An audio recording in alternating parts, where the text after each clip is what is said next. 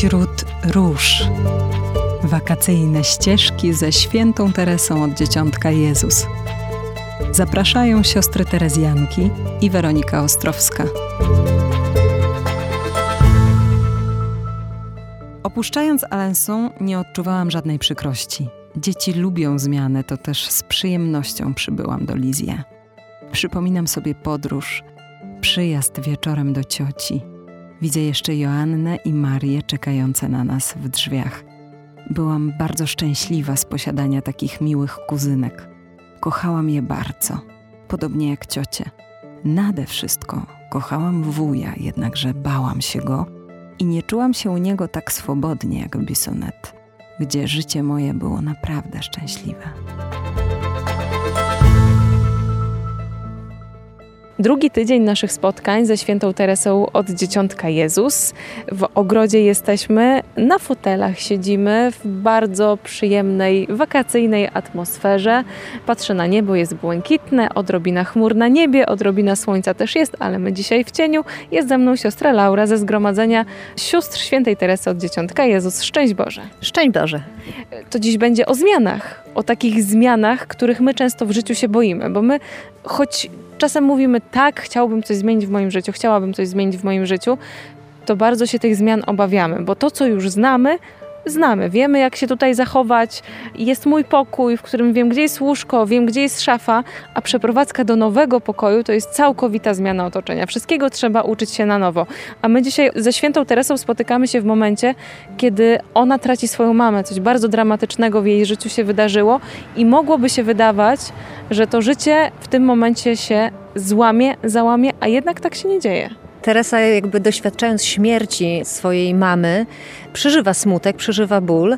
Jednak e, pragnieniem Zeli jest, aby Ludwik wraz z dziewczynkami przeprowadził się do Lizie.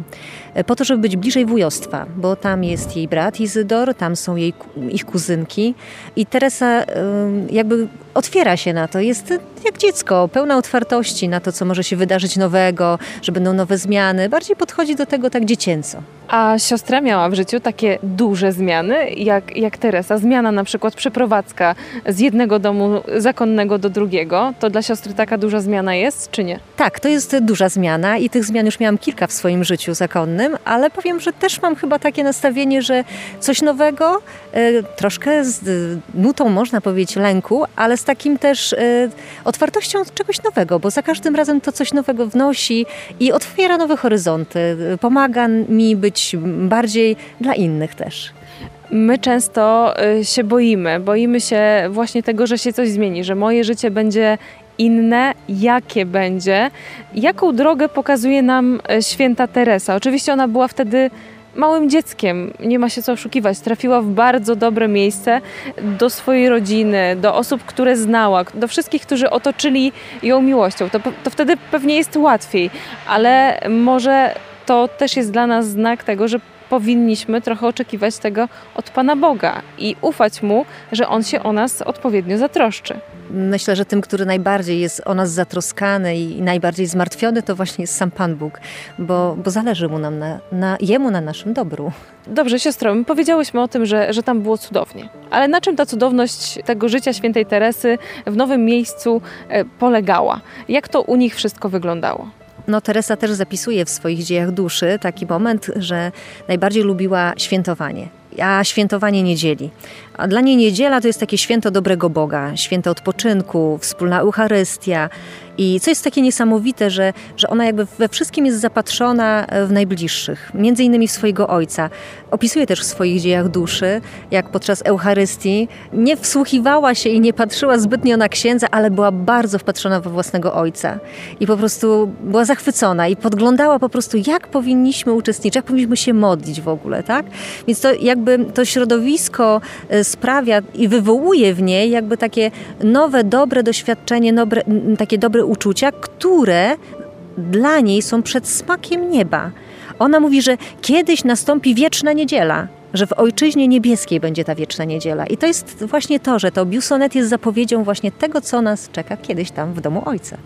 Biusonet, a w naszym życiu, no y, nie zawsze jest tak, że takiego biusonet y, doświadczamy. Różne mamy y, rodziny, z różnych środowisk wyrastamy i nie zawsze też jest tak, jak, jak zdarzyło się w życiu świętej Teresy, że po dużej ranie, po dużym zranieniu, jak w czyimś życiu wydarza się coś trudnego, że trafiamy w takie dobre środowisko, to co wtedy możemy zrobić, kiedy jest nam bardzo ciężko, kiedy nie odnajdujemy się, tak jak święta Teresa się odnalazła, jak my się nie odnajdujemy w jakimś środowisku, jak nie widzimy może, nie widzimy tego lukru Pana Boga, który otaczał świętą Teresę. Gdzie tego lukru możemy szukać? Wśród najbliższych. E, wśród najbliższych bądź, e, bądź ty, tych, którzy są najbliżej, bo może niekoniecznie będą to więzy krwi, ale będzie to właśnie jakiś człowiek, który będzie taką namiastką naszego takiego spojrzenia na dobro, na to, że, że Pan Bóg troszczy się o nas, bo nigdy nie zostawia nas samych. Zawsze nam kogoś daje. Siostra ma to doświadczenie, że Pan Bóg stawia na naszej drodze odpowiednie osoby. Tak, zawsze nam kogoś daje, a jeżeli nawet y, jesteśmy w takich momentach lęku i też Teresa takie miała, jak została odprowadzana do snu i zostawiana sama w pokoju, widziała ciemność i bardzo się bała, to jednak małymi dziecięcymi krokami pokonywała ten lęk. I myślę, że takimi małymi krokami też i my uczymy się pokonywać nasze lęki. To dzisiejsze spotkanie ze świętą Teresą uczy nas tego, żebyśmy e, byli otwarci jak dziecko na te nowe rzeczywistości, przed którymi otwiera nas Pan Bóg, żebyśmy też w swoim bólu e, się nie tak nie, nie, nie pielęgnowali tego bólu, po prostu, tylko szukali Pana Boga w tym, co przychodzi. Dokładnie tak. Bardzo serdecznie dziękuję za to spotkanie. O, wiatr zaczyna właśnie wiać. To może znak, że dzisiaj mamy już skończyć, ale spotykamy się jutro. Do usłyszenia. Do usłyszenia.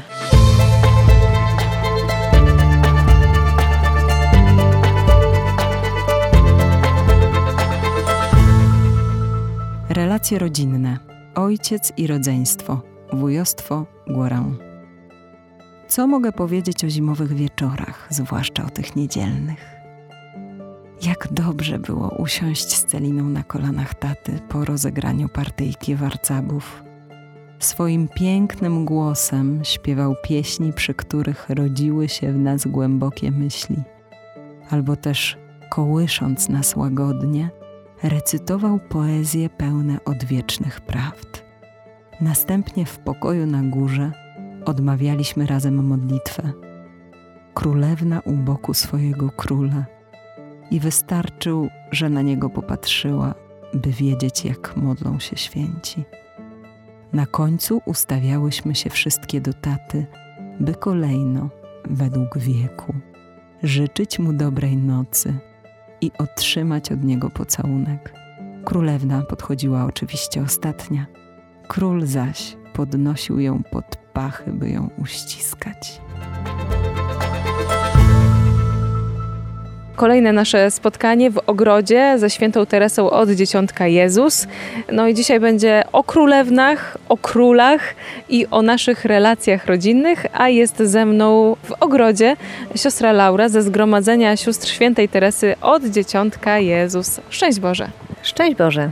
Siostro, to jak to z tymi rodzinami jest? Y, czy tata to musi być król dla swojej małej księżniczki, jeżeli mówimy o córeczkach? Myślę, że tak. Jest taki etap w życiu każdego dziecka, właśnie dziewczynki, że dobrze, żeby zobaczyła takiego króla w swoim tacie, a ona, żeby poczuła się królewną. Każda z nas, prawda, marzyła chyba o tym na swoim etapie, żeby być księżniczką. Nie wiem, czy siostra tak miała, ja marzyłam. No pamiętam tylko, że chodziłam w za dużych butach na obcasach i lubiłam, jak robiły się ślady na piasku mamy butach i później miała taki trochę problem, więc coś pewnie z tej księżniczki było. I coś z tej księżniczki w nas zostaje, także jak już jesteśmy dorosłymi kobietami, a to wszystko, kim stajemy się później, kształtuje się w życiu rodzinnym, co bardzo mocno widać na przykładzie świętej Teresy i powiem szczerze, że jestem wzruszona mocno tym opisem tego, jak wyglądały ich relacje rodzinne, jak serdeczne były, jak były pełne ciepła. To wcale nie jest codzienność i myślę, że nie tylko dzisiaj nie jest to codzienność, ale też w czasach Teresy to też pewnie nie było tak, że w każdym domu tak było taka jest prawda, że, że doświadczenie tej, tej bliskości rodzinnej, tych relacji jest bardzo różne i wynika z, z, z różnych, że tak powiem, doświadczeń wyniesionych z ze swojego własnego domu, ale myślę, że to też jest jakoś do przerobienia i też do spojrzenia w taki sposób nadprzyrodzony i właśnie e, na to, że to Pan Bóg też tworzy tę rodzinę i taka otwartość na relacje z Panem Bogiem jest otwartością też na drugiego człowieka. Siostra pracowała też z dziećmi na katechezie. No to siostra też mogła obserwować pewnie, jak dzieci poszczególne wzrastają i, i czy, czy, wystarczy tym dzieciom na katechezie dać samo dobro, bo podejrzewam, że, że takie było też siostry nastawienie, czy jednak widać to, że aha, to dziecko ma problem w domu, tutaj coś jest nie tak, tutaj coś nie gra. Takie jest moje też doświadczenie pracy z dziećmi i, i takie, bym powiedziała, nawet mocne wzruszenie i rozczulenie, kiedy, kiedy widziało się, że te dzieci poszukują takiej relacji, takiej, takiej troski, takiego zauważenia, bycia blisko, wysłuchania na pewno jakąś namiastkę dzięki temu dostają y, w katechezie, ale jest to za mało. Jest to stanowczo za mało. Pierwszą katechezą y, jest rodzina, pierwszym miejscem katechezy jest właśnie rodzina i, i to wszystko, co się tam dokonuje. Ale dzięki katechezie, właśnie dzięki jakimś spotkaniom organizowanym dodatkowo poza katechezą, złączoną też właśnie z rodziną, do tego, żeby ta aktywność rodzinna była, że dzieci widzą e, zaangażowanych rodziców w różne akcje, to właśnie pomaga w takim spojrzeniu na rodziców, na rodzinę, ale przede wszystkim właśnie na Pana Boga, który jest tym, który tworzy właśnie relacje, sam jest Trójcą Świętą. I to jest chyba też to pytanie, które nam stawia dzisiaj i święta Teresa i cała jej rodzina. Jaka powinna być nasza rodzina, jakie powinny być nasze rodziny, jak powinniśmy przeżywać te nasze relacje rodzinne, żeby potem dzieci, które są tymi malutkimi pączkami, mogły dobrze wzrastać, żeby były nie kwiatami z połamanymi łodyżkami, które muszą być podpierane z jednej strony deseczką, z drugiej strony deseczką, tylko żeby mogły dobrze się rozwijać, prawidłowo wzrastać. Potrzeba dużo miłości, potrzeba czasu. Czasu nam dzisiaj często brakuje. I myślę, że to jest chyba takim głównym powodem, jakby pędzący świat, też obowiązki, czasami spowodowane rzeczywiście potrzebą, taka, która jest, żeby utrzymać rodzinę, żeby żeby egzystować. To jest właśnie bardzo trudne, ale miłość to właśnie czas poświęcony ukochanym. Taka jedność w wychowywaniu najmłodszych, właśnie jedność między rodzicami, w tym, że dążą do tego samego celu. I można by powiedzieć, że Ludwik stał się takim przedłużeniem marzeń też Zeli. Ich małżeństwo generalnie było bardzo w dużej jedności, związane ze sobą nawzajem, ale też z wychowaniem swoich dzieci. I można powiedzieć, że to przedłużenie tak się dokonało też po śmierci Zeli, kiedy już mieszkali w Busenet. Jakby nie, nic nie uszczknął z tego, żeby właśnie pięknie wyglądała niedziela, pięknie wyglądały święta i żeby ten czas był poświęcony właśnie najmłodszym, żeby to, to bezpieczeństwo wzrastało w nich na tyle, że kiedy przyjdzie lęk, nie, nie będą e, miały oporu, żeby go pokonywać. Mam teraz taką myśl, że my często dzisiaj bardzo bardzo, bardzo często tłumaczymy się: Nie mam czasu, muszę pracować.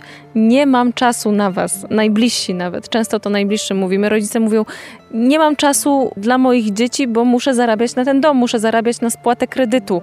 Tatusiowie często długie godziny spędzają w pracy i tłumaczą żonie: Nie mam czasu, nie mam czasu, żeby z wami być, no bo ktoś musi na ten dom zarobić. A może są i takie mamy, które, które to, to właśnie one utrzymują dom. Ludwik był sam nie miał drugiej osoby, tej najbliższej, z którą mógłby podzielić ten czas między dzieci, a jednak jak widać ten czas znajdował. Myślę, że to było główne jego zadanie już po śmierci Zeli, że, że był skupiony właściwie głównie na dzieciach i i w momencie nawet, kiedy, kiedy miało, miało być to odejście tych dzieci, kolejnych córek do zakonu, to jego otwartość na to, że on chce z nimi dalej być, im towarzyszyć, była tak ogromna. Ale powiem coś więcej, bo oprócz tego, że Ludwik jest z nimi, to trzeba pamiętać o tej relacji między rodzeństwem, między wujostwem, bo to, co robi e, Tereska w momencie, kiedy umiera e, Zelia, kiedy umiera mama, wybiera sobie drugą mamę, tak? Jest to, jest to Paulina. Co prawda Celina wybiera Marię i, i to tak też się dokonało, że mm, służąca powiedziała, no biedne jesteście, nie macie już mamusi i Celina niewiele myśląc wpadła w ramiona Marii i powiedziała, ty będziesz teraz moją mamusią.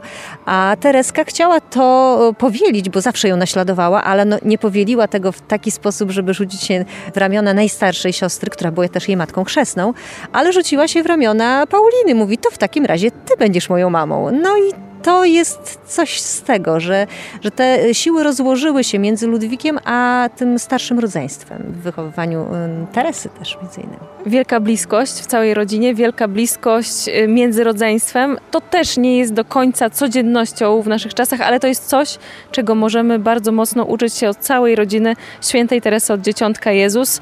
No to dbajmy o to, żebyśmy mieli dla siebie czas. Serdecznie dziękuję za to spotkanie. Dziękuję również i szczęść Boże.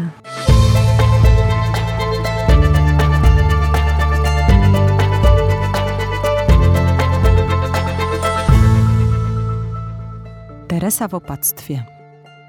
Miałam lat osiem i pół, kiedy Leonia opuściła pensję, a ja zajęłam jej miejsce w opactwie. Często słyszałam, że czas spędzony na pensji jest najlepszym i najmilszym okresem życia. Tego nie można powiedzieć o mnie. Pięć lat, które tam spędziłam, to najsmutniejsze lata mego życia. Gdybym nie miała przy sobie mojej kochanej Celiny, rozchorowałabym się przed upływem miesiąca.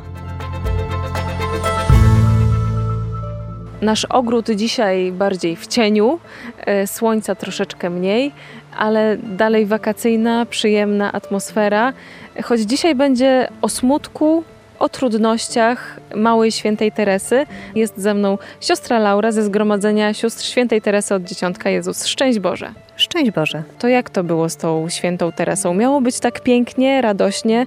Została posłana do szkoły, do której chodziła jej siostra, do miejsca, które zostało uznane za takie najlepsze dla niej na ten moment. Troska o jej rozwój intelektualny też była bardzo ważna.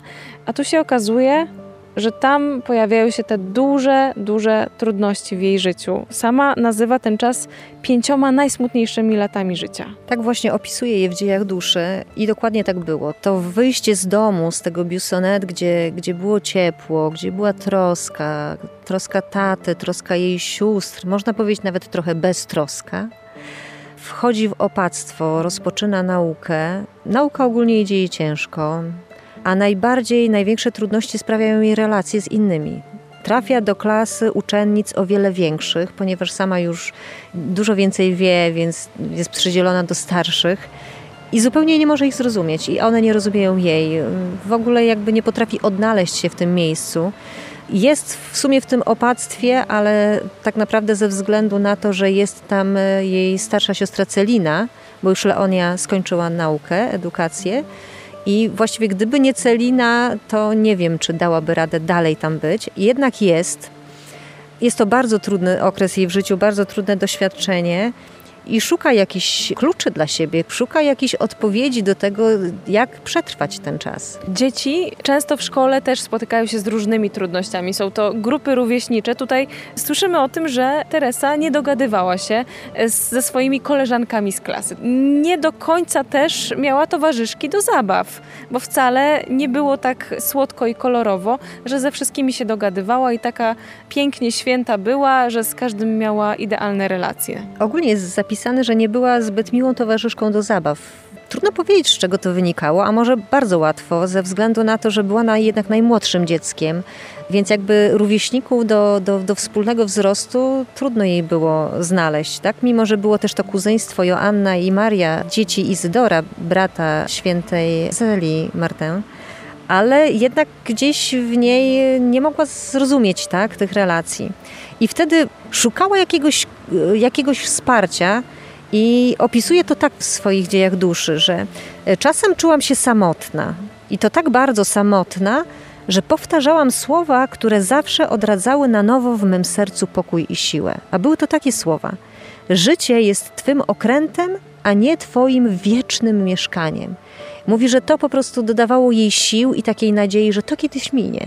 Później też y, opisując tę sytuację, wspomina to, że te słowa bardzo często przywoływała w momentach trudnych, nawet będąc już w klasztorze. To przywołajmy jeszcze raz te słowa. Życie jest Twym okrętem, a nie Twoim wiecznym mieszkaniem. Bardzo, bardzo, bardzo ważne słowa w trudnościach, których mamy w swojej codzienności mnóstwo.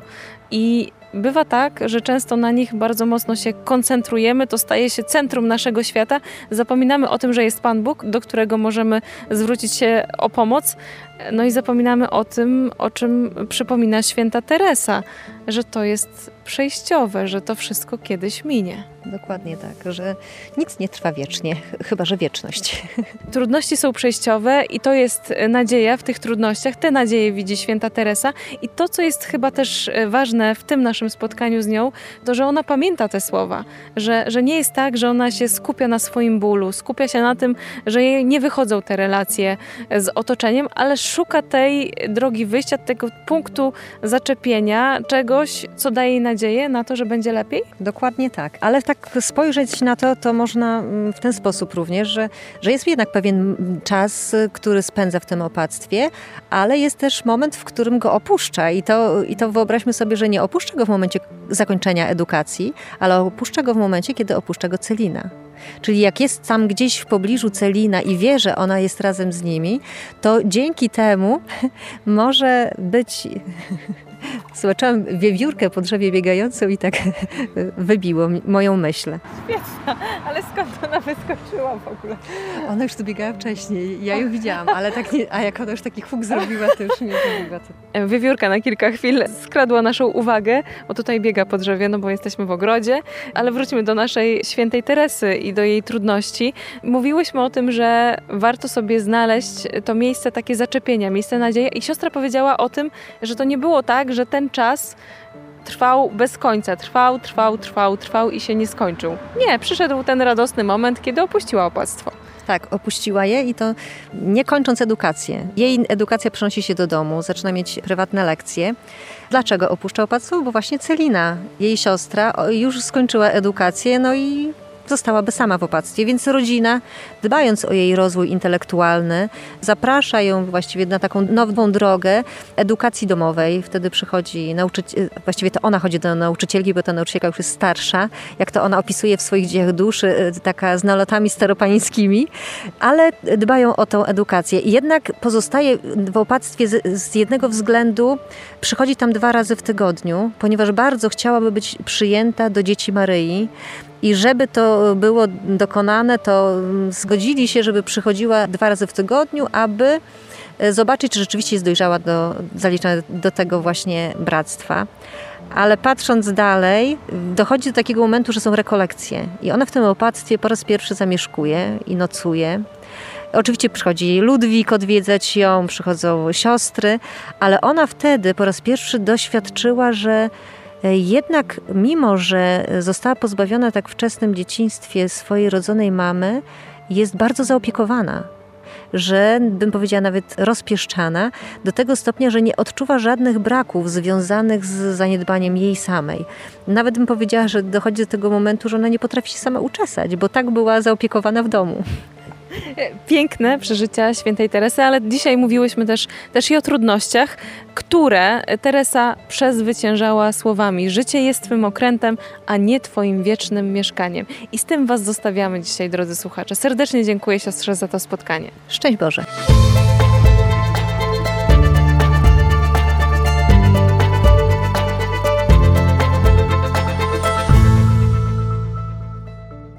Wstąpienie Pauliny do Karmelu i dziwna choroba Teresy. Któregoś dnia zwierzyłam się Paulinie, że chciałabym zostać pustelnikiem i udać się z nią na daleką pustelnię. Odpowiedziała mi, że żywi to samo pragnienie i że poczeka aż dorosnę, by wyruszyć ze mną.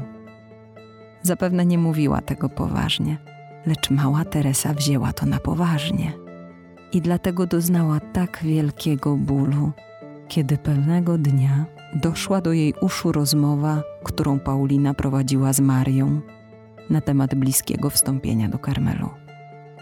Nie wiedziałam, czym jest Karmel, lecz zrozumiałam, że Paulina mnie opuści. Tym samym stało się jasne, że na mnie nie poczeka, że stracę drugą matkę. Ach, jak wyrazić trwogę, która mnie ogarnęła? W jednej chwili zrozumiałam, czym jest życie. Dotychczas nie wydawało mi się tak smutne, ale kiedy ukazało mi całą swoją rzeczywistość, spostrzegłam, że jest nieustannym cierpieniem i rozłąką. Płakałam gorzkimi łzami, bo nie rozumiałam jeszcze, co to jest radość płynąca z ofiary.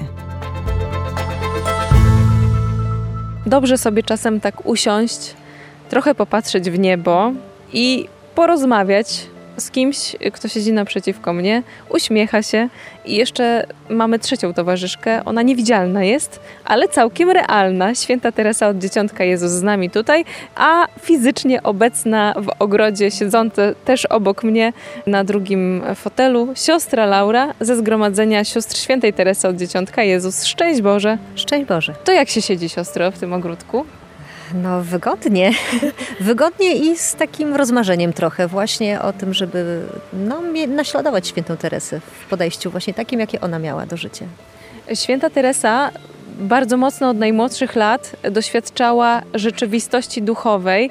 Dlatego pomyślałam sobie, czy my dzisiaj wierzymy, czy, czy siostra i ja, czy my wierzymy, że święta Teresa jest tu z nami? Ja wierzę, wierzę e, nie tylko teraz, ale nieustannie, jak czuję jej obecność i w ogóle prowadzenie w moim życiu osobiście. Myślę, że to jest bardzo ważne w kontekście tego tematu, który dzisiaj nam proponuje święta Teresa. Kolejne trudne doświadczenie w jej życiu.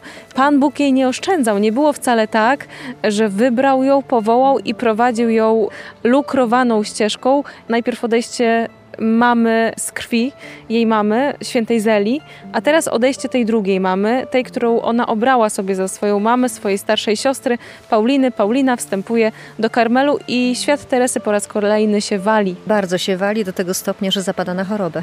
Więc to jest takie mocne doświadczenie dla niej, które jest połączone też jakby z takim przeżyciem fizycznym na własnym jej ciele, czyli ta słabość i to doświadczenie bólu takiego duchowego, rozłąki takiej emocjonalnej, które przekłada się też na ciało, które słabnie. Czyli bywa tak, że, że czasami te nasze silne doświadczenia życiowe też przekładają się i na choroby ciała.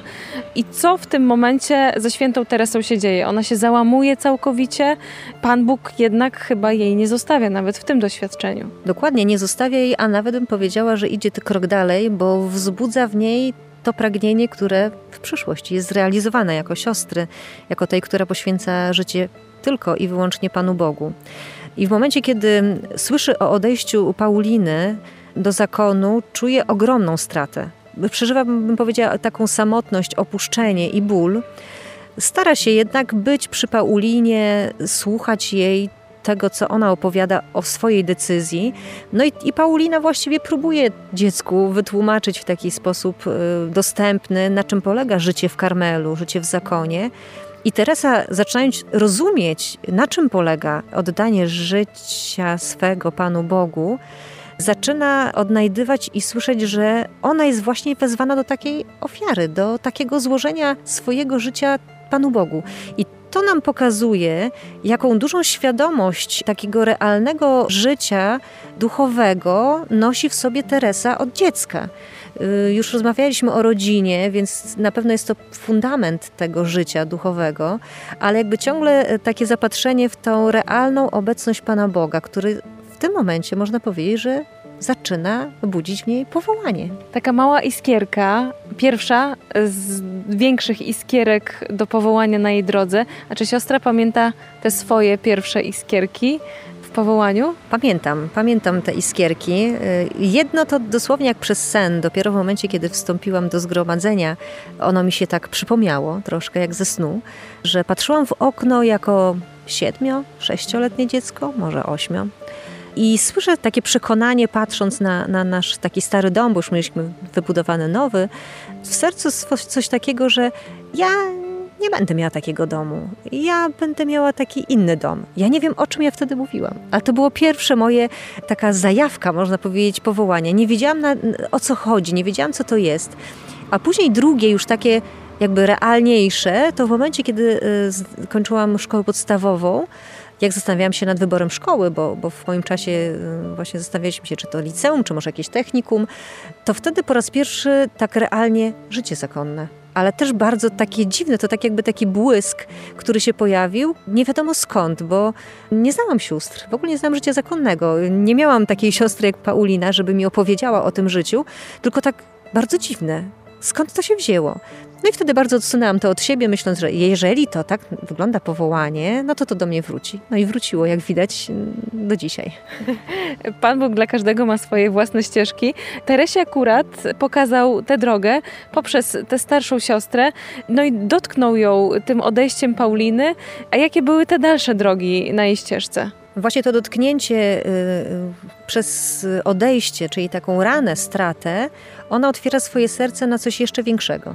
Czyli tak można powiedzieć, że jakby ta rana, strata otworzyła im właśnie na, na tą relację z Panem Bogiem, ale mm, warto by było też przyjrzeć się temu, co się w niej samej dzieje, bo mimo, że jakby otwiera się na tą rzeczywistość Pana Boga i mówi, że ona też zostanie siostrą i też chce pójść do Karmelu, oczywiście traktują to z przymrużeniem oka, myśląc, że to a, pewnie tęskni za Pauliną i chce pójść tam, gdzie ona, ale ona jakby nawet e, tak trochę się frustruje tym, denerwuje jako dziecko, dlaczego nie traktujecie mnie poważnie? Ja, ja też odczuwam te same pragnienia. Jej to przeżycie właśnie związane z rozstaniem Pauliny przeradza się też w dolegliwości fizyczne, czyli ten taki emocjonalny stan, te mocne, mocne przeżycie, takie nie do określenia przez dziecko, bo trudno dziecku wyrazić, co przeżywa, przechodzi w taki stan fizyczny, czyli zaczyna, zaczyna odczuwać ciągłe bóle głowy. One trwają dość długo, ona się na nie nie uskarża, jakby znosi je cierpliwie, jednak w pewnym momencie pojawia się nagle y, gorączka, pojawiają się drgawki, nikt nie wie, co się dzieje, dzieje, wszyscy są bardzo zakłopotani i pojawia się dziwna choroba, w której sprawia wrażenie Teresa jakby, jakby jakiejś takiej idiotki, ona też to tak opisuje. I, I wszyscy się zaczynają bardzo martwić, bo coś się dzieje niedobrego. No i Teresa też cierpi, bo nie wie o co chodzi, nie wie dlaczego tak jest. To nasze spotkanie dzisiejsze zakończymy w takim dość dramatycznym momencie, kiedy do głosu dochodzi choroba. Odpowiedź na pytanie, co było dalej, w kolejnym spotkaniu. Dziękuję za dzisiaj. Dziękuję i szczęść Boże.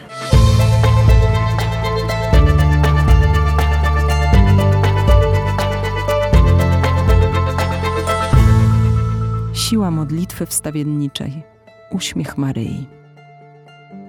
Biedna Terenia, nie znajdując już żadnego ratunku na ziemi, zwróciła się również do swej niebieskiej matki i prosiła ją z całego serca, by się wreszcie nad nią ulitowała.